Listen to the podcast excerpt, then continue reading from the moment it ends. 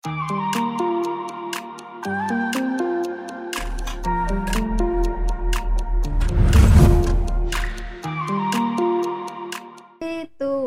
on. Selamat datang kembali semuanya. Eh, halo, kita ketemu lagi di sini di podcastnya Three Ons. Dan hari ini bersama dengan Hauna, ya aku yang mau mandu nih di podcast hari ini dan kita kedatangan tamu eh, spesial sekali, salah satu partner dari HR Academy juga ya, Sohib. OKOC, eh, tepatnya OKOC Kemanusiaan. Kita kedatangan Pak Salman. Boleh Pak Salman kita sapa dulu teman-teman yang ada di sini. Oke, assalamualaikum warahmatullahi wabarakatuh. Eh, selamat datang di Three Ons. Three Ons, betul. Insya Allah kita akan sharing-sharing nih Organisasi kemanusiaan. Eh, temanya adalah wakaf peredar. Ya, Uh. siap. Oke, mungkin eh, Pak Salman boleh agak deketin lagi juga. Oke. Ah. Terus kita nih eh, mau ngebahas tentang wakaf hari ini. Jadi cukup menarik ya karena ini kadang suka jarang juga diomongin. Tapi tadi kita sempat eh, ngobrol dikit ya sebelum mulai tadi dan itu wah aku juga eh, cukup merasa apa ya eh, tertarik ya, cukup merasa tertarik tentang wakaf ini dan itu keren banget. Kita coba dengerin nih apa yang mau disampaikan dari Pak Salman ini dan kira-kira eh, mungkin sebelum kita masuk ke wakaf yang mau disampaikan tentang apa atau apa yang paling menarik dari yang mau disampaikan sama Pak Salman mungkin dikenalin dulu nih wakaf itu apa gitu ya terus eh, apa sama kayak sedekah atau eh, ya mungkin untuk teman-teman yang belum tahu ya tentang wakaf belum tahu mendalam pastinya tentang wakaf boleh dikasih kenalan dulu nih gitu. Oke, sip. Bismillahirrahmanirrahim. Assalamualaikum warahmatullahi wabarakatuh. Perkenalkan nama saya Salman Habibi.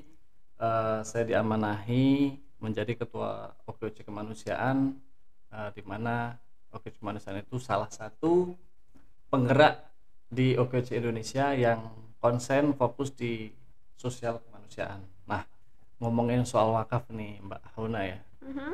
Eh, saya juga baru belajar tentang wakaf. Saya baru jatuh cinta dengan wakaf. Ya, benar. Masya Allah. Jadi ternyata wakaf ini lebih dahsyat daripada Hmm. CSR, lebih dahsyat daripada zakat infak sedekah karena ada beberapa alasan. Nah, gitu. Hmm. Jadi mungkin saya eh, informasi latar belakang kenapa Oke Kemanusiaan terus sekarang konsen di wakaf gitu ya. boleh silakan. Jadi awalnya Oke Kemanusiaan itu adalah lembaga mitra pengelola zakat atau Hmm. MPZ daripada Dompet Duafa. Dan kita alhamdulillah sudah satu tahun ya, sudah satu Alhamdulillah. tahun kita sudah mengelola dana zakat infak sedekah dari para donatur ya.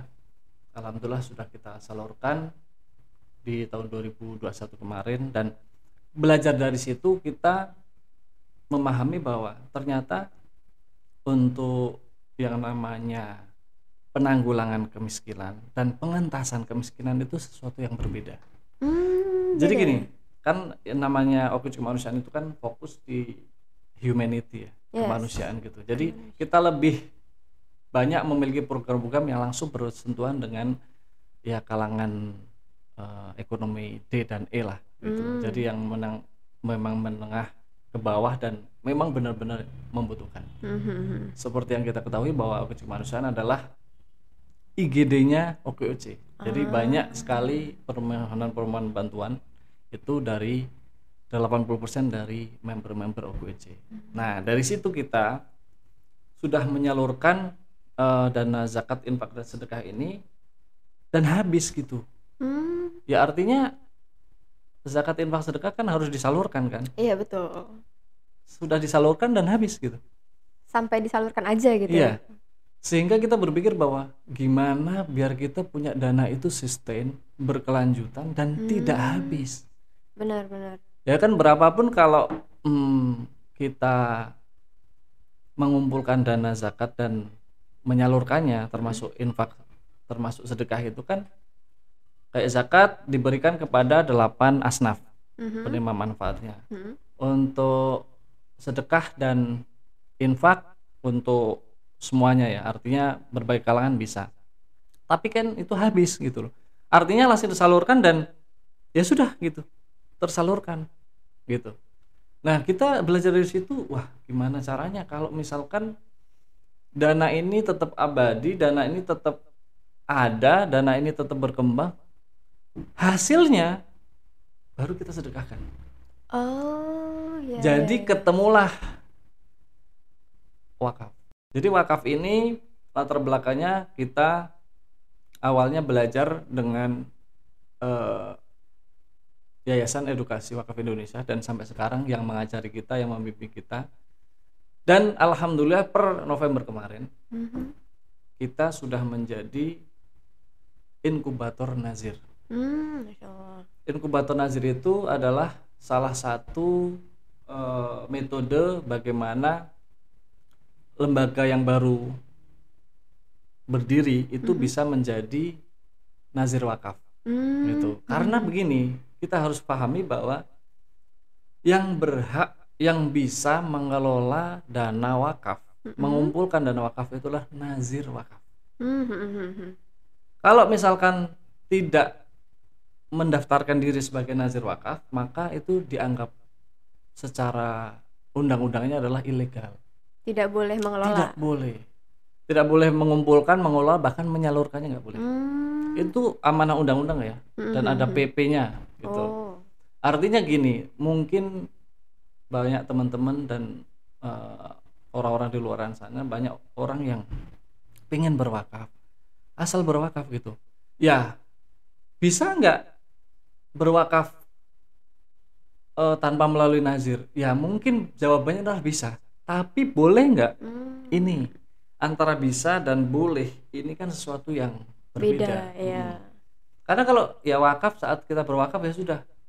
Itu ya mungkin ya artinya secara pahala itu ya sampai gitu kan. Cuma Oh, iya. permasalahannya kan begini nih. Kita pernah mendengar di TV-TV, mungkin di berita-berita media sosial juga ada orang tua kita itu dulu pernah berwakaf. Nah, Hmm. gitu kan. Entah dalam bentuk masjid, tanah kuburan Ya, atau ya, ya. mungkin pesantren gitu ya Hmm, hmm, hmm. tapi kita menyerahkannya bukan ke nazir wakaf. Dianggaplah seorang kiai atau sia- siapa pun yang diamanahi gitu kan eh, untuk mengelola itu, tapi dia bukan nazir. Sehingga apa? Tidak memiliki sertifikat wakaf. Nah, siapa yang bis- bisa me- mengeluarkan sertifikat wakaf itu untuk wakaf uang itu LKSPBU ya, Lembaga Keuangan Syariah Penerima Wakaf Uang. Hmm, hmm. Kalau untuk tanah dan lain sebagainya itu KUA, Oh. KUA ya. Dalam hal ini melalui nazir wakaf. Artinya gini, kalau misalkan dulu orang tua kita sudah mewakafkan tanah itu terus kepada seseorang yang hanya dianggap ya sesepuh atau siapa pun itu gitu kan ya. Terus kita meninggal, orang tua kita meninggal. Nah, anak cucunya kan banyak nih ceritanya ya, Iya, iya, iya. menggugat tanah itu. Oh. Jadi anggaplah tanah itu ribuan meter gitu kan ya, hektaran gitu kan, Iya. yang secara finansial, secara nominalnya itu bisa diuangkan atau gede lah gitu loh. Hmm, hmm, hmm. Itu ada potensi digugat. Dan secara hukum itu ahli waris karena dia memiliki sertifikat, sertifikat tanahnya. Oh iya Maksudnya gitu ya. Karena nazirnya nggak tersertifikat juga ya. Ya. Wah. Arti saat misalkan eh, sidang di pengadilan dan lain sebagainya, maka Ahli waris menang. ahli waris ini menang sehingga bangunan tanah dan pesantren atau apa pun itu di atasnya itu bisa di- Ambil lagi. diambil dihilangkan atau diruntuhkan dan lain sebagainya atau dikomersilkan mau dijual dan lain sebagainya itu bisa ini belajar dari sini bahwa kita tidak boleh sembarangan berwakaf. Hmm. harus nazir bisa menunjukkan bukti legalitasnya. Dari mana? Dari BWI Badan Wakaf Indonesia. Badan Wakaf Indonesia. nah itu. Itu yang berhak mengeluarkan ser- apa namanya sertifikat nazir ya gitu loh. Artinya kalau udah eh, terdaftar sebagai nazir wakaf itu boleh gitu loh. Itu yang pertama. Yang keduanya adalah sertifikat eh, apa namanya wakafnya gitu loh jadi nanti eh, kalau kita berwakaf harus yang ngajak berwakaf itu harus bisa menunjukkan dua itu sertifikat nazirnya yang kedua adalah sertifikat eh, wakafnya Wakafnya berarti untuk yang memberi wakaf. Ya, jadi saat kita berwakaf itu nanti kan ada ikrar wakaf ya. Ya. Jadi di situ ada ikrar wakaf sama sertifikat wakafnya. Hmm. Kalau dia tidak bisa menunjukkan itu berarti bisa jadi itu nazirnya abal-abal bodong dan sekarang banyak kasus terjadi eh, apa namanya penggalangan dana yang model seperti itu disinyalir ada terorisme, ada eh, pencucian uang, ada pokoknya ini hubungannya dengan pidana lah. Dan itu nggak boleh, benar-benar nggak boleh. Nah, ini penting buat teman-teman siapa pun yang sekarang pengen berwakaf itu harus itu, harus ke nazir yang legal, ya kan. Yang kedua harus bisa menunjukkan sertifikat wakafnya. Kalau kita sudah berwakaf nanti, kalau mereka tidak bisa menunjukkan itu, nah jangan. Nah, Itu alhamdulillah Oke Cuk Kemanusiaan sekarang sudah menjadi inkubator nazir dari Wah.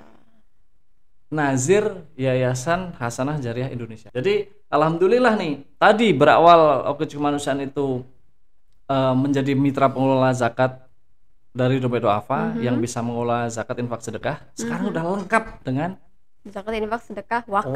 wakaf. Wah, Masya Allah. Alhamdulillah ini. Alhamdulillah, Jadi banget. eh, gini baru November kemarin dan Hmm. penandatanganan eh, legalnya baru sekitar satu minggu yang lalu.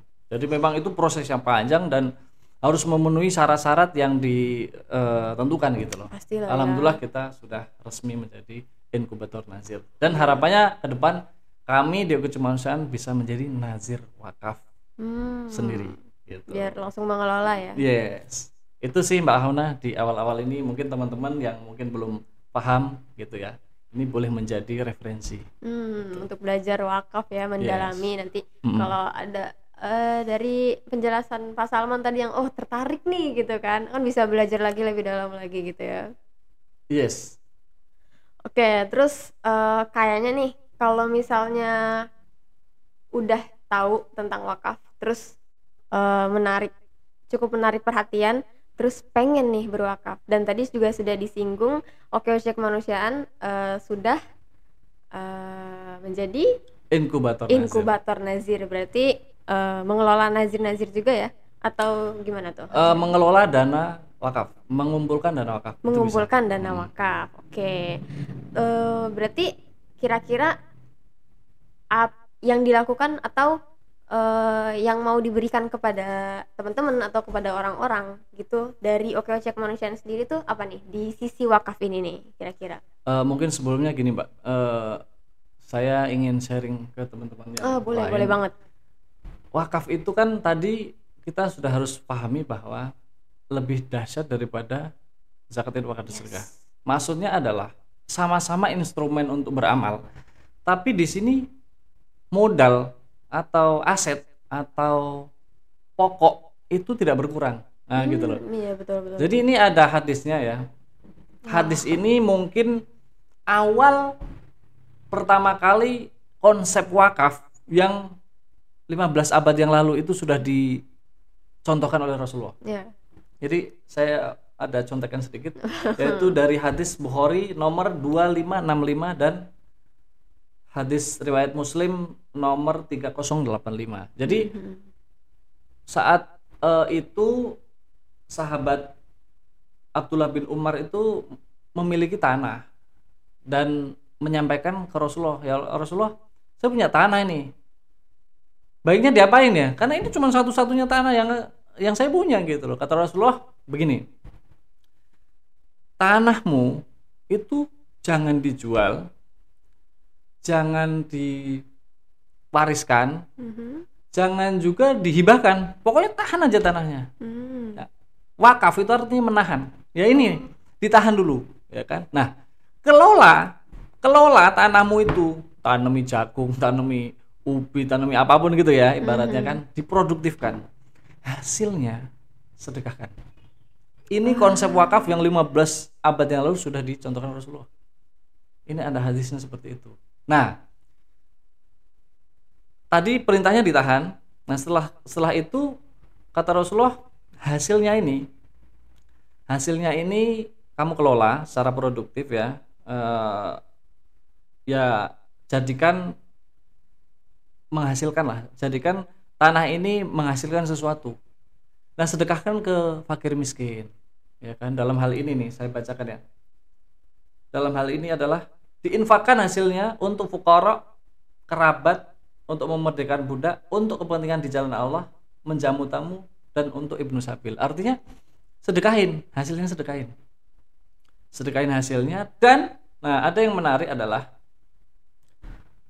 orang yang mengurusinya Mhm.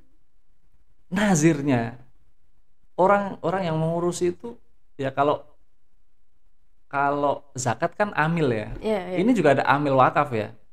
Yang ngurusi lah yang mencatat yang segala Hmm. macam yang ngurusi itu boleh mengambil sebagian yang ma'ruf. Artinya ya kalau ada hasil dari situ bolehlah biaya operasional diambilkan gitu loh. Nah gitu. Jadi ini mirip dengan kita ngurus bisnis.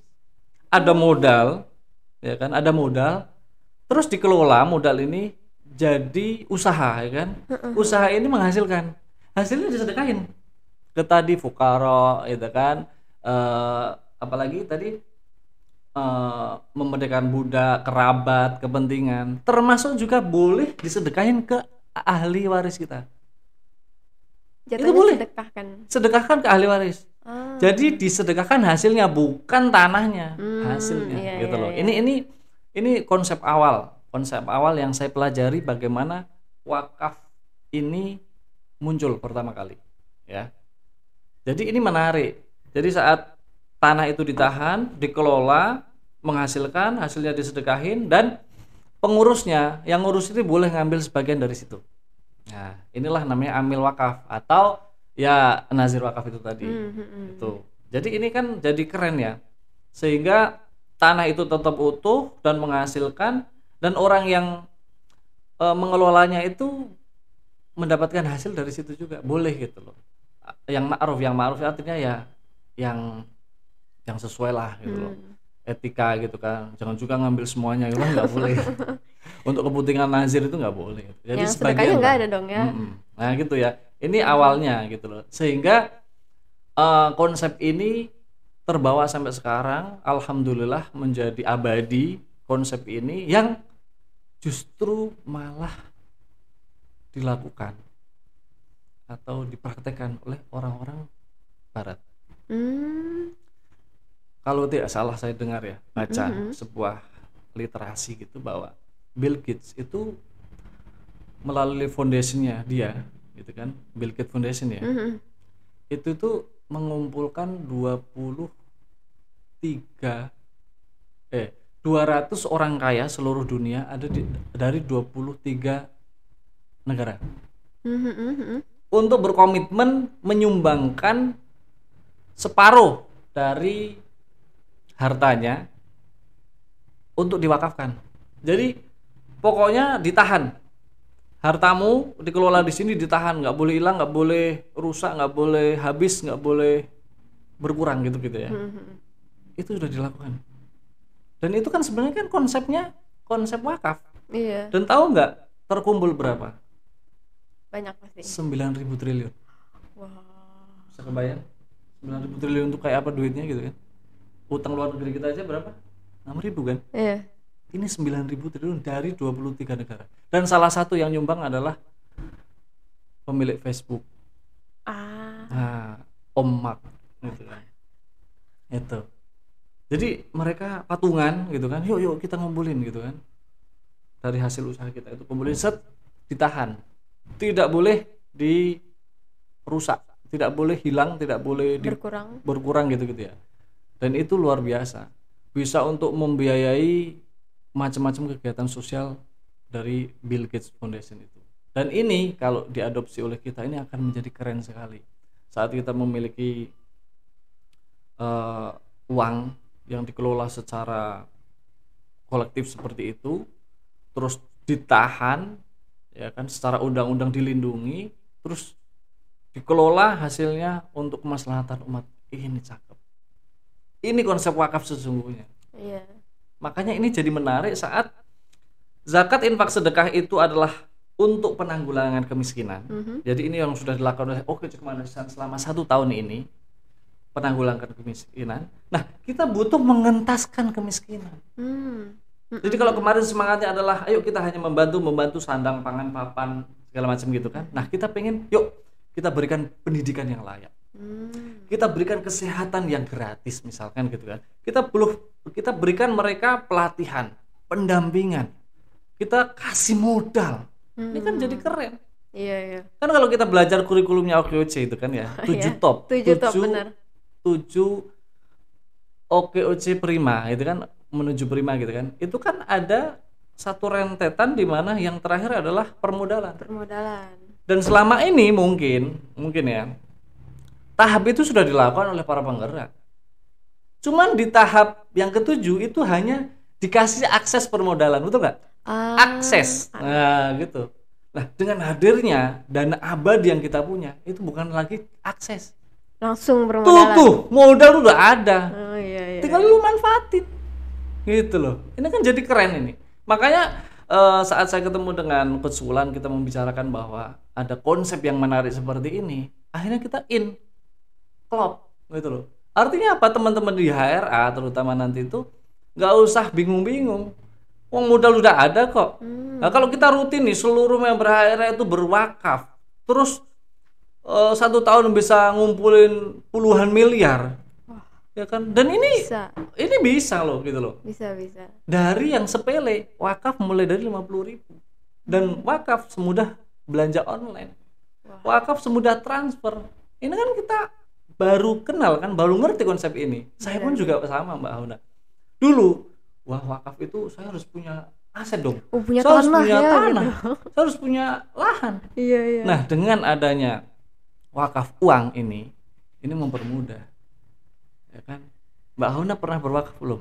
Saya belum. Nah, harus pecah telur. ya yes, kan? betul. Nanti setelah ini langsung mulai berwakaf, mulai dari 50.000 ribu Mbak. Hmm. Dan tercatat dan besok Mbak Hona akan mendapatkan sertifikat wakaf dan ikrar wakaf. Keren nggak? Satu hari besok. Ya ada proses Oh, ya, ada proses. Tenang aja ya. Sistem lagi dibangun dan insya Allah sih nanti bisa real time ya Wow. minimal itu sudah bisa dilihat dulu ya sudah bisa dilihat dulu bahwa kita sudah terdaftar sudah ada ikrar wakafnya secara resminya nanti akan dikirim ke email gitu Wah. itu seperti itu dan ini ini milenial banget ya ini cocok untuk kalangan milenial karena apa Milenial digital ya. Iya, gitu, yang sudah digitalisasi gitu-gitu ya, yang sudah eh, apa namanya terakselerasi langsung ke mungkin ya integrasinya kan ke pembayaran ya, terutama itu kan ke eh, dana GoPay, Ah, iya, iya. transfer gitu-gitu. Jadi sambil rebahan kita tuh bisa berwakaf gitu, loh. kan asik ya. Keren banget. Dan ini menjadi dana abadi. Mm-mm. Mbak Hauna dari HRA, maka ini akan menjadi dana abadinya HRA. Dan abadi pahala abadi. Nah, Betul. jadi ada ada apa dua ya yes. pahala abadi gitu Iya. ya. Keren keren ini. Saya baru tahu ada istilah. itu mbak. Kan jadi mengalir ya, Mas, Mm, jadi tadi kalau zakat infak sedekah itu sifatnya jangka pendek hanya untuk penanggulangan kemiskinan gitu ya. Mm-mm. Untuk orang-orang di luar sana, untuk orang-orang yang perlu kita bantu itu dengan adanya instrumen wakaf ini nggak cuma ditanggulangi, tapi dientaskan. Hmm. Karena ini jadi proyek jangka panjang. Makanya kita kan butuh dana jangka panjang yang tidak habis gitu loh. Dan ini kesimpulannya satu, hanya dengan wakaf. Kaf. Mm-mm. Dan ini sudah, mohon maaf ya, ini udah sering kita dengar mungkin kita sekolah di luar negeri gratis kayak di Al Azhar atau mungkin di Timur Tengah lah gitu kan banyak sekolah-sekolah gratis gitu Iya, kan iya. tahu nggak itu dananya dari mana wakaf Hmm, wakaf di negara sana. wakaf iya jadi orang-orang kan kita banyak sekolah di luar negeri itu kan sekolahnya gratis tapi uh, living costnya aja kan yang bayar Iya, iya, gitu loh Nah, itu seperti beasiswa. itu. Mm-mm. Dan ini bisa diadopsi oleh lembaga-lembaga yang ada di Indonesia Oh. kita bisa grab dana abadi untuk mendirikan yayasan gratisin Mhm. gitu kan itu bisa gitu loh bahkan kita bisa mendapatkan operasional dari Hasil hasil yang ada di sini kan keren ya jadi saya tuh bermimpi bahwa ini adalah sebuah perubahan besar saat kita bisa memberikan pendidikan gratis kesehatan gratis layanan apa pun gratis ini dengan Dari wakaf dari itu ya? wakaf ini gitu loh. Nah, ada yang menarik ceritanya. Eh, saya juga baru dengar-dengar kemarin itu bahwa ternyata di Arab itu dulu ada nenek moyangnya orang Aceh itu sudah mewakafkan tanah di Arab gitu. Dan kalau tidak salah itu tanah itu sudah menjadi gedung eh, perhotelan atau apa gitu ya. Oh. Nah, tanah wakaf itu oleh wakifnya dulu itu ikrarnya adalah eh, nanti hasil dari tanah wakaf ini diberikan ke seluruh jamaah umroh atau haji dari Aceh. Makanya jangan salah, jangan heran ya. Kalau teman-teman mungkin ada kenalan dari Aceh, teman dari Aceh atau mungkin saudara yang tinggal di Aceh dan pulang haji dan umroh itu dapat sangu, dapat uang saku. Tahu nggak uang saku itu dari mana? Dari wakaf itu ya? Dari usaha tanah wakaf yang dulu nenek moyang mereka sudah wakafkan di di tanah sana. Ini kan jadi menarik. Iya. Kalau kita eh, pulang dari umroh kan nggak dapat sangu ya. Di sana dapat. Kalau nggak salah nih tahun-tahun kemarin ya sebelum pandemi itu setiap jamaah dapat 4 juta setengah. Keren nggak? wow. Keren banget kan? 4 juta setengah. Itu loh. Berarti begitu produktifnya tanah itu sehingga menghasilkan wakaf itu menghasilkan di apa diputar jadi bisnis, menghasilkan eh, income dan itu disedekahin. Dan itu boleh seperti itu. Keren kan? Keren banget. Nah, ini ini ini uh kalau ngomongin wakaf saya itu baru Seru banget. se apa ya seujung kuku tapi ini saya udah uh ini keren banget ini ini jawaban masalah-masalah yang ada di umat ini sebenarnya dengan instrumen wakaf insya Allah ya. Dan alhamdulillah kita kemarin eh, secara resmi wakaf trainer kita ini diresmikan oleh Pak Menteri Wah. Pak Menparekraf Pak Sandiaga Uno. Beliau yang sekaligus sebagai founder daripada OKC Indonesia. Beliau tanggal 22 Januari 2022 ya. 22. Mm, itu di Kinasih Depok. Kita kemarin menggelar acara eh, kick off wakafpreneur dan alhamdulillah saat itu beliau secara resmi launchingkan wakafpreneur Wah, masya Allah, keren banget. jadi insya Allah ini eh, menjadi solusi buat teman-teman pelaku UMKM karena ada instrumen yang lain di mana dengan berwakaf uang di OKOC ini menjadi dana abadi permodalan UMKM OKOC. Jadi nanti teman-teman boleh dilihat kita sudah punya project hmm, Hmm, di dashboardnya eh, pasifamal.id. Jadi kita udah kerjasama eh, untuk me- mengelola dana wakaf ini dengan digitalisasi sehingga kita pakai platform namanya pasifamal.id. Nah di situlah kita akan langsung bisa akses eh, project amal yang akan kita eh, bangun. Oh, Heeh, iya, jadi iya. di situ ada namanya dana abadi permodalan UMKM OKOC. Nah, nanti seluruh UMKM yang ada di OKOC itu bisa berwakaf di situ dan berhak untuk mengakses permodalan UMKM dari wakaf itu. Nah, instrumennya seperti apa? Eh, bagaimana nanti eh, mendapatkan atau mengakses dananya untuk bisa dilendingkan ke UMKM. Nah, itu nanti ada mungkin sesi khusus ya Ah, oke. sesi khusus. Boleh Tapi banget. insya Allah ini menjadi jawaban bahwa di OKOC nggak cuman akses permodalan bukan, tapi sudah disediakan sudah modalnya. disediakan modal. Dan itu sesuai dengan jalurnya penggerak masing-masing. Artinya Hmm. teman-teman dari HR silahkan nanti eh, wakaf yang terkumpul dari teman-teman HR ini bisa diakses. Bisa diakses oleh uh, teman-teman Hera sendiri ya. Hmm, gitu. Ini keren, ini keren.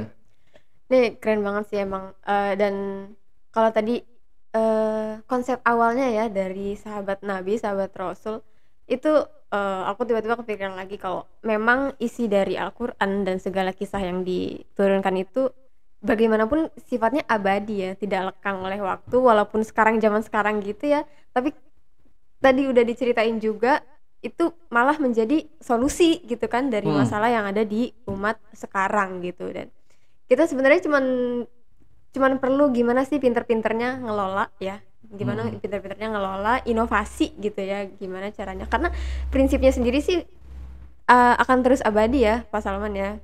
Akan terus abadi terus tinggal gimana kita ngelolanya. Salah satunya wakafpreneur tadi ya. Mm-mm. OKOC memiliki suatu program tuh wakafpreneur untuk membantu uh, permodalan di UMKM salah satu output nantinya ya Iya. nah Jadi gini Mbak Hona, eh, saat saya mulai kenal dengan Yewi Yayasan Edukasi Wakaf Indonesia itu, maka kami mulai berpikir bahwa oh wakaf itu bisa ya untuk permodalan. Ternyata itu bisa. Hmm, hmm. Jadi nanti di OKOC Kemanusiaan eh, yang sebagai dalam hal ini kan inkubator nazirnya ya itu nanti akan ada di bawahnya jalur-jalur penggerak gitu. Iya. jadi ada ratusan penggerak yang ada di OKWC itu boleh mengajukan proyek wakaf Ah, artinya gini eh, ngumpulin sendiri Mhm. nanti akan disalurkan sendiri itu bisa dalam hal ini ya ngumpulin sendiri itu berdasarkan platform yang sudah kita buat iya iya. yuk kita sama-sama ngumpulin gitu ya. Karena apa? Literasi tentang wakaf ini kan masih belum tersentuh ke kita. Keluarga kita gitu loh. sehingga potensinya itu dari kita sendiri itu besar gitu loh. Bayangin ya Mbak Hona dari saya. Dari saya terus ngajak istri saya anak saya kakak saya orang tua saya dua mertua dua. Iya. Paman bibi dan lain sebagainya ya. Saudara yang lain gitu kan kakak adik segala macam. Jadi potensinya kita itu bisa mengajak minimal 10 orang untuk berwakaf melalui oke kemanusiaan gitu loh. Dalam hal ini misalkan dari penggerak HRA berarti akan lewat jalurnya penggerak HRA Hmm. sehingga kalau 10 orang aja berwakaf dari kita berarti sebulannya ada 500 ribu dana abadi yang terkumpul. Kalau sebulan 500 ribu setahun Wah. 6 juta Iya.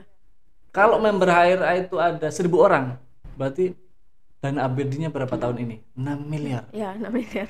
6 miliar itu kalau satu UMKM itu berhak untuk bisa mengakses permodalan senilai 10 juta. Berarti berapa UMKM yang bisa dibantu? Dalam hal ini permodalan yang tanpa bunga, tanpa denda, tanpa BI checking gitu kan Oh iya. tanpa ribet gitu ya. Pokoknya mudah dan sederhana deh gitu loh. Nanti kan yang validasi kan ketua-ketua penggeraknya kan gitu. iya. Dia udah terdaftar belum di OKOC gitu kan. Mhm. Ini aktif gak gitu. Kan gitu. Sudah ngikuti 7 top OKOC belum gitu kan? Itu kan kewenangan dari ketua-ketua penggerak kan. Penggerak, iya. Gitu. Sehingga kalau orang pakai akses asal akses nggak bisa juga. Harus melewati beberapa tahap administrasi yang memang dia layak untuk mendapatkan Mendapatkan, permodalan iya. itu gitu loh. Karena nanti eh, yang bisa me, apa ya memberikan rekomendasi bahwa ini layak untuk dibantu pembiayaannya UMKM ini itu dari apa ketua penggerak. Ketua penggerak. Nanti dari oke kemanusiaan juga akan mengetahui gitu loh bahwa memang ini layak, oh ini memang eh, usahanya bagus, perlu dibantu permodalan, perlu diberikan eh, permodalan, ya udah kita bantu gitu. Hmm. Nah, kita sedang siapkan untuk platformnya satu lagi. Kita sedang kerjasama dengan salah satu eh, platform digital yang insya Allah akan launching di bulan ini. Oh. Jadi nanti mulai bulan depan itu kalau memang sudah terkumpul akan bisa langsung dilandingkan ke UMKM. Hmm. Cuman kan ya nggak apa ya nggak terus langsung dilandingkan gitu nggak juga gitu loh. Jadi eh, perlu tahap-tahap yang memang harus dilalui, yang memang layak dia untuk diberikan eh, permodalan gitu loh. Bukan diberikan ya, dipinjami. Nah dalam hal ini adalah minjam ya, karena kan dana harus kembali.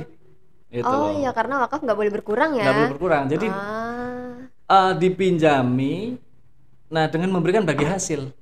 Nah dengan dalam hal ini adalah mudorobah mukoyada jadi memberikan eh, bagi hasil atas pengelolaan bisnis dia gitu loh. Jadi kan sama-sama dengan halnya eh, kita pinjam di bank syariah gitu kan ya akadnya adalah mudorobah gitu kan. Nah itu sama gitu loh.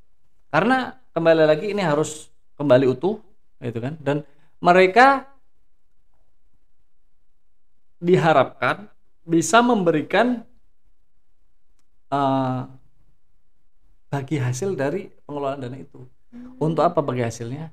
Yang tadi saya bilang bahwa harus produktif dan menghasilkan untuk disedekahkan. Sedekahkan. Nah, ini nanti bagi hasil ini akan kita akan kelola kembali dalam bentuk sedekah.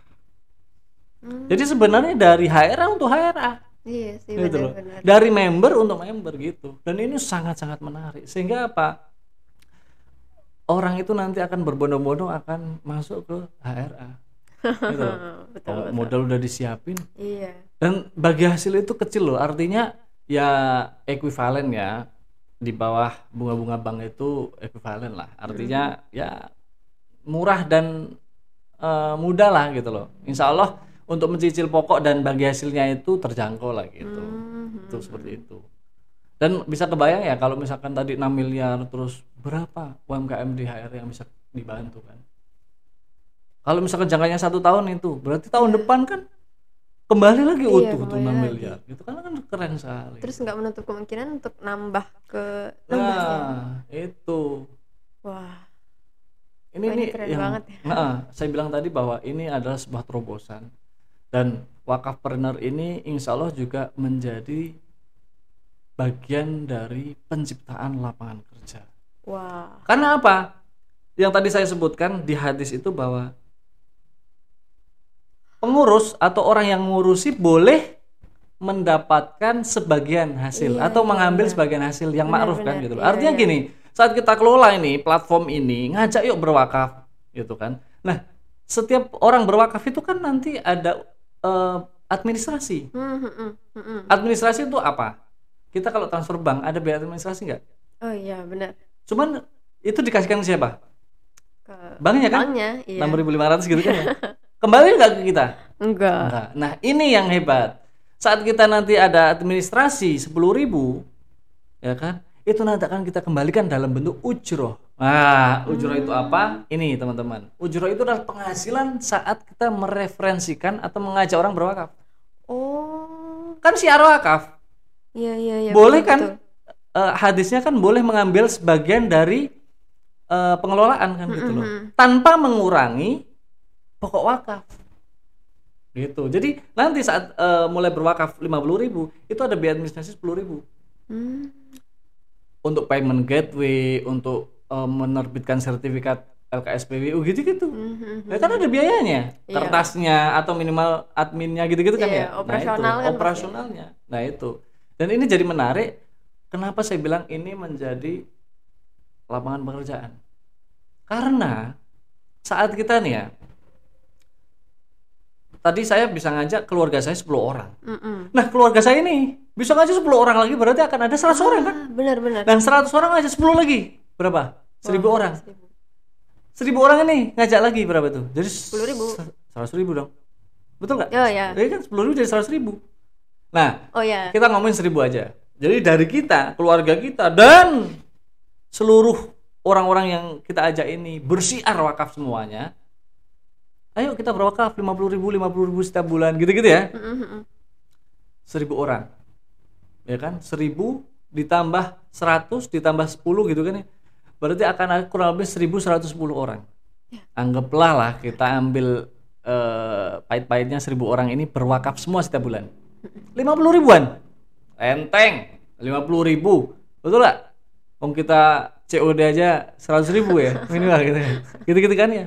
Atau lagi mama gitu kan ya. Iya. Lima puluh ribu setiap bulan enteng, sangat sangat enteng. Insya Allah kalau kita niatkan eh, bener gitu ya. Iya. Lima puluh ribu kali seribu orang, berarti berapa? 50 50 juta. juta. Di HRA setiap bulan ada dana abadi 50 juta. Kalikan satu tahun, Wah. Berapa? 13.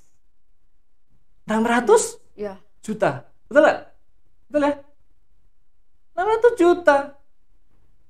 600 juta itu bisa berapa penerima manfaat? Berapa UMKM bisa dibantu permodalannya?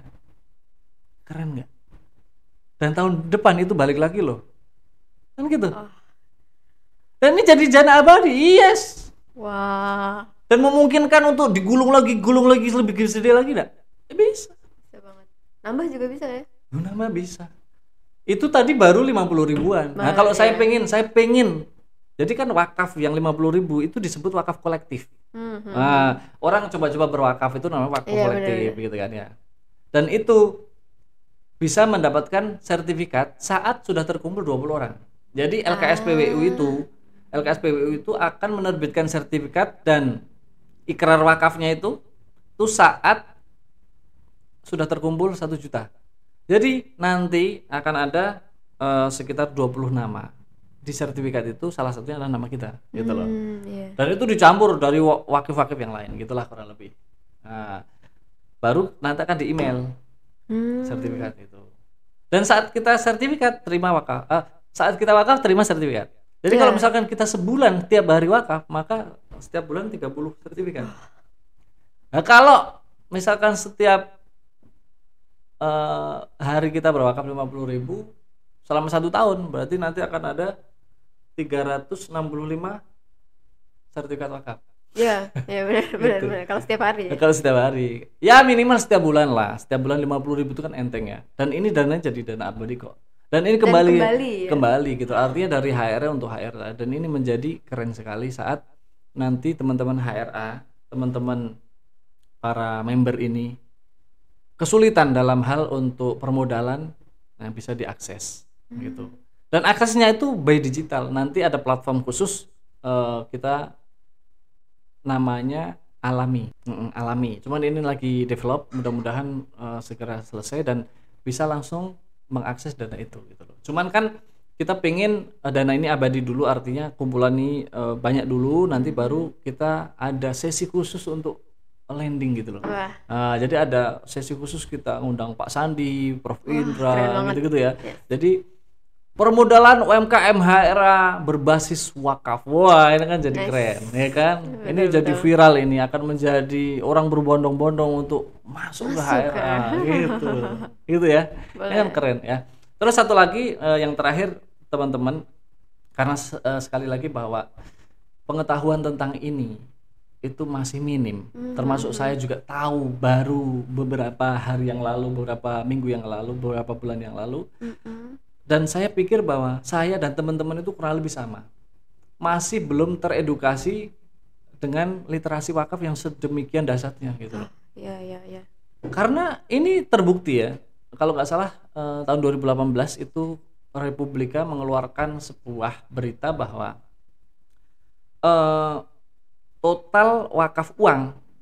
Jadi pemerintah itu sudah gencar gitu. Cuman kan mungkin tidak tersentuh ke lapisan bawahnya gitu ya. Artinya tidak sampai ke kita tentang literasi wakaf itu. Jadi partisipan wakaf itu baru sedikit.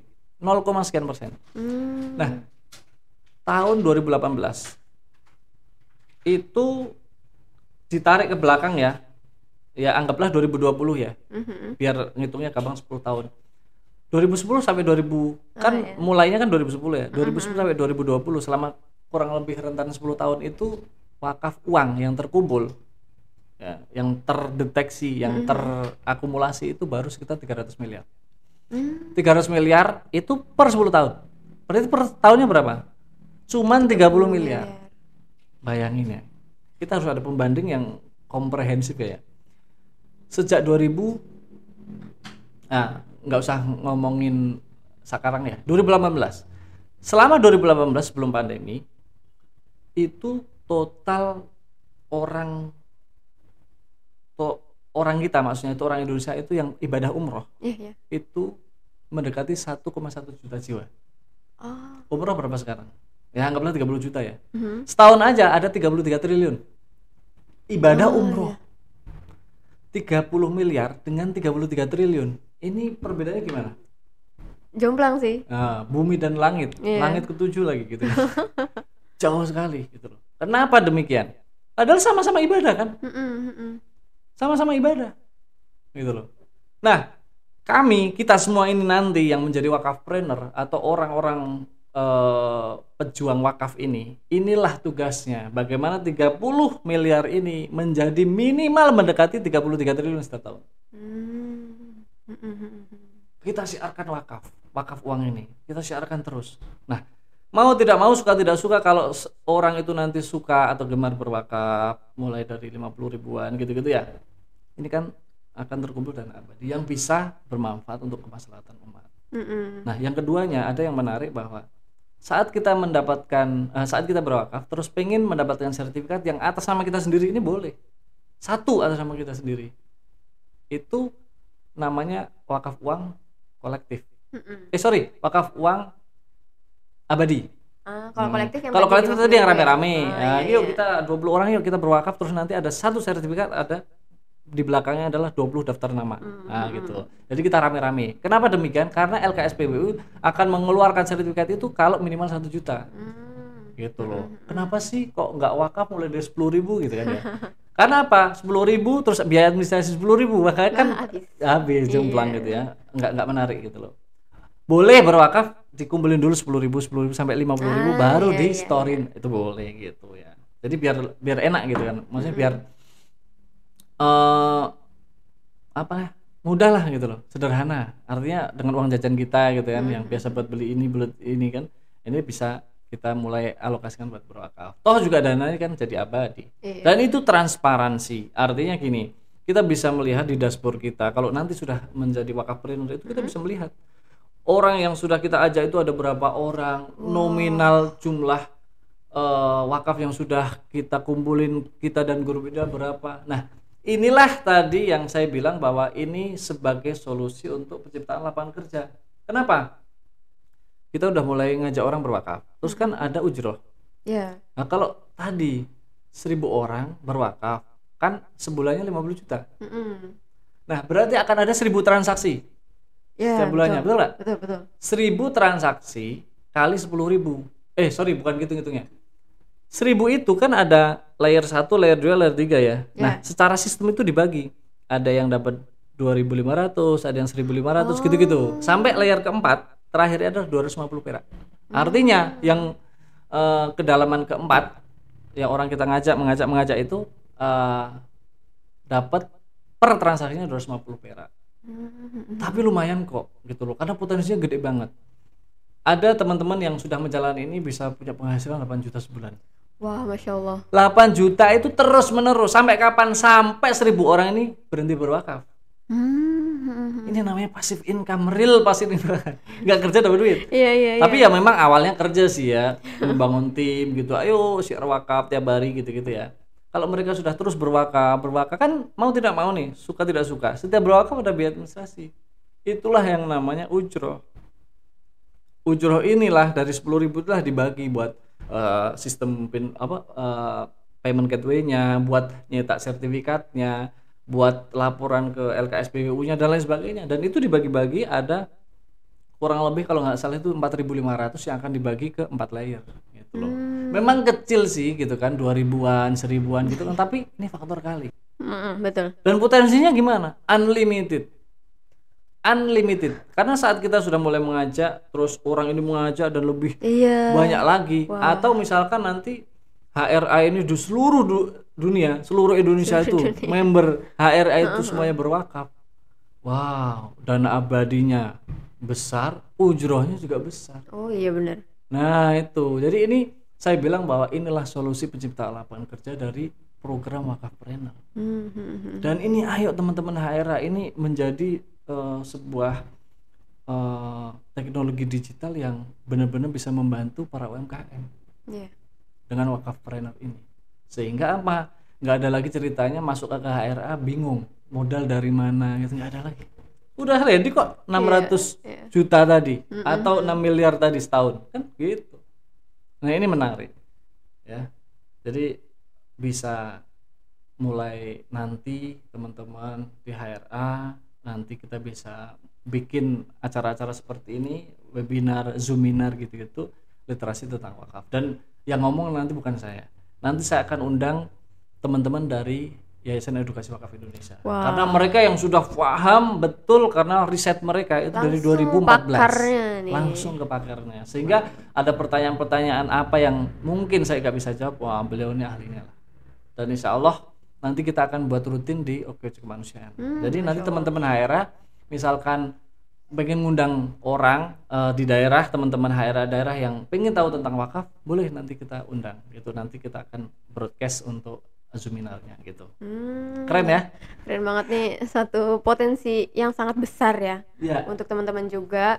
Dan eh, insya Allah ya kita akan rencanakan nih eh, literasi-literasi tentang wakafnya dan juga tadi program wakafpreneur ya Yes. yang sekarang lagi di develop juga. Nanti untuk para peng- para member para anggota dari HRA eh, untuk masuk ke programnya gimana mungkin sambil dengerin udah pada pengen wah pengen juga nih ikutan nih mungkin ada yang kayak gitu ya kita tunggu aja nanti kita rencanain buat eh, mungkin nggak di podcast ini ya karena ini kan Eh, kita itu harus workshop ya. edukasi. Yes. harus workshop. Jadi nanti ada session khusus tentang eh, literasi wakaf. Jadi pengenalan lah tentang wakaf itu dari Yayasan Edukasi Wakaf Indonesia.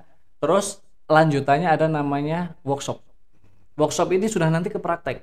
Jadi teman-teman wajib pakai laptop, ya kan? Kenapa nggak pakai HP? Karena eh, dashboard itu perlu dibuka-buka gitu ya. Nah itu kadang di HP itu nggak muncul gitu. loh. Jadi harus pakai laptop, ya kan dengan jaringan yang stabil gitu-gitu. Nah nanti kita langsung bisa pecah telur. Seumur umur belum berwakaf, nah di situlah kita langsung bisa berwakaf. Dan saat itu juga langsung bisa muncul gitu loh. Artinya ini eh, sedang kita develop bagaimana real time gitu loh. Jadi langsung bisa terkumpul berapa jumlah wakaf dari HRA gitu. Kurang lebih seperti itu. Wah keren Ya. banget. Jadi, Baru nanti yes. mungkin sehari dua hari atau sekarang sistem baru sekitar eh, lima hari kerja untuk terbit sertifikat wakafnya dari LKSPWU gitu. Nanti dikirim ke emailnya masing-masing. Gitu sih. Hmm, ya keren banget. Jadi eh, ditunggu ya, ditunggu nih buat para teman-teman anggota HRA eh, yang mau nih, yang mau ikut wakaf, yang mau ikut bergabung di sini. Bukan yang mau ya, harus. Oh harus ya, wah bener sih pengen harus. pengen modal nggak sih? Iya gitu? kan pengen murah. Untuk kalian juga nih gitu ya, Iya, untuk gitu. UM dari UMKM untuk UMKM dari dari bapak ibu sendiri nanti balik lagi dan juga eh, bisa memberi modal yang lain juga ya masuk kan Iya, gitu. Jadi kayak patungan bareng-bareng lah gitu. Iya, dan tapi Bapak Ibu bisa dapat juga sendiri. Terus ini juga aduh pahalanya ya pastinya Iya, wakaf. ya. wakaf uang itu kan simbol ya. Kalau wakaf tanah itu ya kalau kita ngomongin pahala ya itu urusannya kita sama diri atas Iya, ya. iya. Jadi saat kita nyerahin tanah wakaf ya ya bisa jadi sudah langsung dicatat ya. Mhm. Cuman kan wakaf kan harus dikelola. Nah, Iya. selama tanah itu dongkrok, diem nggak dikelola, lah nggak ada pasif hamal. Iya benar. ya kan nggak ada pahala buat kita gitu loh apalagi tanah terus eh, nggak dibangun terus lama itu nazirnya dosa Oh gitu. oh iya jadi saat tanah itu diserahkan itu harus langsung dikelola makanya kalau misalnya kita menyerahkan tanah atau bangunan terus ke nazir yang abal-abal nazir yang tidak punya operasional untuk mengolah itu sebaiknya jangan gitu loh.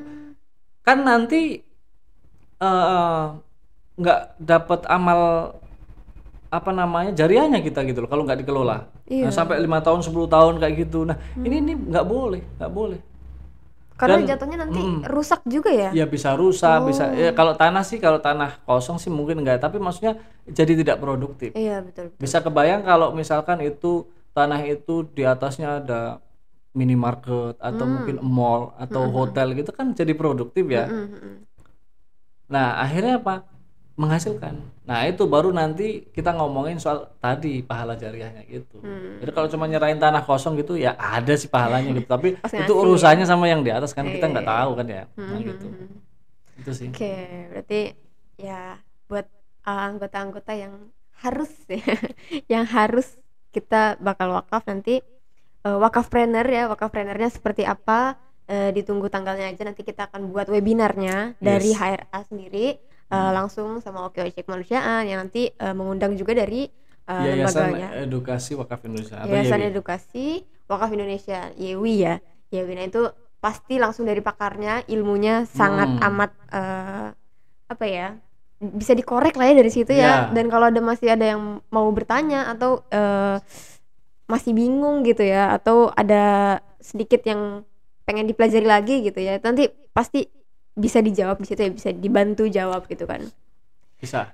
ya di sini kita prolog aja nih biar biar makin penasaran ya Iya, iya. biar makin penasaran teman-teman semua. Nah, mungkin eh mungkin ada lagi yang mau disampaikan dari Pak Salman nih, makin eh, untuk makin bikin penasaran lagi mungkin ya. Closing statement. Closing statement bener. Jadi gini ya Mbak Hona ya, teman-teman HRA di mana pun eh, berada ya. Jadi ini menjadi solusi buat para UMKM kita.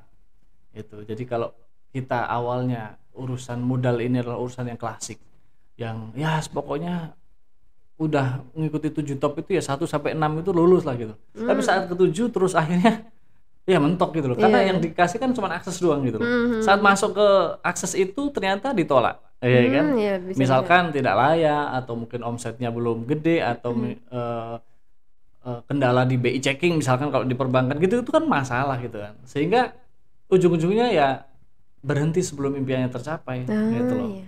dianggapnya bahwa eh, satu-satunya cara adalah permodalan itu ya ya perbankan misalkan gitu itu kan. Akhirnya apa? Jadi mentok di situ. Tapi dengan adanya lahir wakapreneur selain secara pribadi dia mendapatkan ujur atau penghasilan kan ada dana yang bisa kita grab kita akses yang itu bisa untuk leverage atau daya ungkit di bisnis kita. Hmm, hmm, hmm. dengan syarat dan ketentuan tadi gitu kan ya. Itu bisa. Sehingga apa? Terjawablah sudah. Nggak ada ceritanya masuk ke OKOC nggak ada ceritanya lagi masuk ke HRA itu susah. Permodalannya? Permodalannya nggak ada. Udah disiapin kok gitu. Hmm, hmm, hmm, hmm. itu seperti itu. Dan ini menjawab solusi lapangan pekerjaan jadi buat teman-teman HRA yang mungkin mohon maaf ya pandemi ini banyak kehilangan pekerjaan teman-teman kan. Ada juga yang mungkin saudara-saudaranya yang usahanya tutup gulung tikar. Ah iya betul. Nah ini coba kita mulai kembali dari wakafpreneur menciarkan wakaf mendapatkan penghasilan dan bisa kembali eh, punya semangat untuk berbisnis gitu loh. Karena sudah disiapkan modalnya. Kan keren ya? Hmm, hmm, hmm. Nah itu ya. Eh, satu kata terakhir bahwa ini perlu dimasifkan. Hmm. Kita nggak bisa keluar-keluar sendirian. Oke, kemanusiaan nggak bisa keluar-keluar sendirian. Nggak. Kita perlu dukungan, semangat, doa teman-teman dari seluruh penggerak. Biar apa? Biar dana abadi permodalan UMKM OKOC itu lebih gede lagi, gede lagi, sehingga apa? Semua orang di OKOC itu bisa terbantu gitu. Terbantu untuk membesarkan bisnisnya. Iya. ya kan? Men-scale up bisnisnya. Karena tidak ditutup kemungkinan nanti kan nggak cuma 10 juta. Kalau memang bisnis ini proven kan bisa kasih lebih gitu loh. Hmm, hmm, hmm, hmm. kan gitu. Ya. Jadi itu mungkin pengenalan tentang wakafpreneur di sini. nanti akan ada sesi khusus kita akan membahas. Kita akan kupas lebih dalam tentang wakafpreneur dan potensinya dan insya Allah ini menjadi solusi buat teman-teman eh, di para penggerak untuk permodalan dan penciptaan lapangan kerja sehingga cita-cita daripada OKOC itu bisa tercapai. tercapai ya. Karena saya sudah membayangkan begini, Mbak Hona. yes Jadi nanti penggerak itu kan ada tingkat daerah, ada tingkat kecamatan. Hmm, hmm, hmm, betul Sehingga kalau sudah menyentuh ke kecamatan, orang-orang yang ada di kecamatan, teman-teman HRA di kecamatan aktif gitu, itu bisa bikin project sendiri. oleh Artinya, mereka sendiri ya Iya, ngegrab dana sendiri melalui eh, jalurnya OKC apa HRA gitu kan ya. Mhm. Untuk kecamatan itu, dari kecamatan ke kecamatan. Sehingga apa? Ini kan one kecamatan, one center for entrepreneurship itu benar-benar terwujud gitu loh. Hmm, hmm, hmm, hmm. Jadi ada dana abadi sudah sampai ke tingkat kecamatan. iya Tingkat kabupaten ada, tingkat pusatnya ada. Waduh, udah keren banget itu. mantap mantap Insya Allah ya. Mhm. Demikian kurang lebih eh, bincang-bincang kita dengan apa namanya hmm, tema wakafpreneur. Mudah-mudahan kita akan kulik lagi lebih dalam. Saya juga di sini tuh masih tahap belajar. Jadi eh, mudah-mudahan apa yang disampaikan, apa yang saya sampaikan itu tidak salah. Kalau toh salah nanti kita bisa tanyakan ke eh, pakarnya saat kita zoominar atau webinar dengan Yayasan Edukasi Wakaf Indonesia. Gitu aja, Mbak. oke Saya terima kasih banget nih terima kasih juga Pak udah Salman. diundang ke sini. Wah, ini ya kita undang karena wah menarik banget dan tadi didengar sendiri ya pokoknya gila keren banget ya untuk wakaf ini wakaf trainer nanti kita tunggu sesi khususnya di pasti akan kita kabarkan juga di sosial medianya HR Academy langsung Ya. tadi eh, materi hari ini tuh eh, wakaf eh, sama aja dengan bisnis gitu ya Wak- ya, wakaf wakaf mengelu- mengurus wakaf sama dengan mengurus bisnis. mengurus wakaf sama dengan mengurus bisnis itu udah keren banget. Tadi udah dijelasin gimana gimana gimana, konsep awalnya seperti apa, akhirnya kayak gimana, dan project ke depannya kayak apa. Nah ini dengan wakaf planner ini, insya Allah eh, kita akan capai semua yang tadi dibicarakan ini Amin. ya. Terima kasih Bismillah banyak. Ya, Bismillah. Eh, kita bareng-bareng ya, sambil belajar bareng, Ya. sambil eh, invest bareng gitu ya di sini. Eh, terima kasih banyak Pak Salman eh, hadir di salah satu episode podcast Iya, boleh ini. tambahan satu lagi sedikit. Boleh, boleh ah. silakan silakan. Jadi eh, kita di Oke Cumanusiaan sudah menciptakan namanya eh, support system. Hmm, Jadi mhm. ada seven step for success, tujuh Hmm. langkah sukses agar sukses mengembangkan wakafpreneur. Wah, Nah, kita akan launching eh, dalam beberapa hari ke depan, insya Allah itu di MPP di kantor. Jadi Hmm. eh, apa langkah-langkah teman-teman kalau yang sudah eh, menjadi wakafpreneur, ya kan? Atau langkah-langkah teman-teman yang nanti sudah mulai berwakaf gitu kan ya? Langkah 1 sampai tujuhnya nanti akan kita eh, sharingkan gitu. Hmm, Agar apa? Agar ini menjadi masif dan eh, gercep gitu loh. Kata Pak Hmm, Menteri yes, itu kan yes, harus yes. gercep ya. Yes, betul. Kalau bila perlu bulan ini semua keluarga itu udah mulai berwakaf gitu kan. Nah, itu nanti kita akan pelajari di Seven Step for Success Wah. ya. Nanti kita akan kabarin ke HRA. Wah, terima kasih banyak nih. Thank you Lengkap banget. banget ya, udah dari edukasinya dapet, apa informasinya dapet, terus tadi ditambahin juga info tambahannya ya, Iya. di didampingi sampai nanti. Didampingi nanti dari Okus Kemanusiaan akan eh, mendampingi mulai dari pendaftaran wakafpreneur sampai ke bagaimana kita bisa pecah telur. Wah. Ya, yang belum pernah berwakaf nih, mulai dari 50.000 itu nanti kita eh, pandu caranya. Wah, keren banget nih udah paket komplit ya, eh, teman-teman. Jadi eh, jangan lupa harus banget ikutan di wakaf Harus, Planner ini. harus, wajib. ya. Oke, terima kasih banyak Kak Salman. Terima kasih Mbak Ah, Fauna. ya. Udah panjang lebar kita. panjang lebar banget ya, panjang lebar tinggi gitu ya. Iya. Oke, teman-teman, sekian untuk eh, episode kali ini eh, bersama Pak Salman di OKOC Kemanusiaan. Nah, kita eh, akan bertemu lagi di episode selanjutnya. Eh, sampai berjumpa. Terima kasih. Oke, terima kasih. Assalamualaikum warahmatullahi wabarakatuh.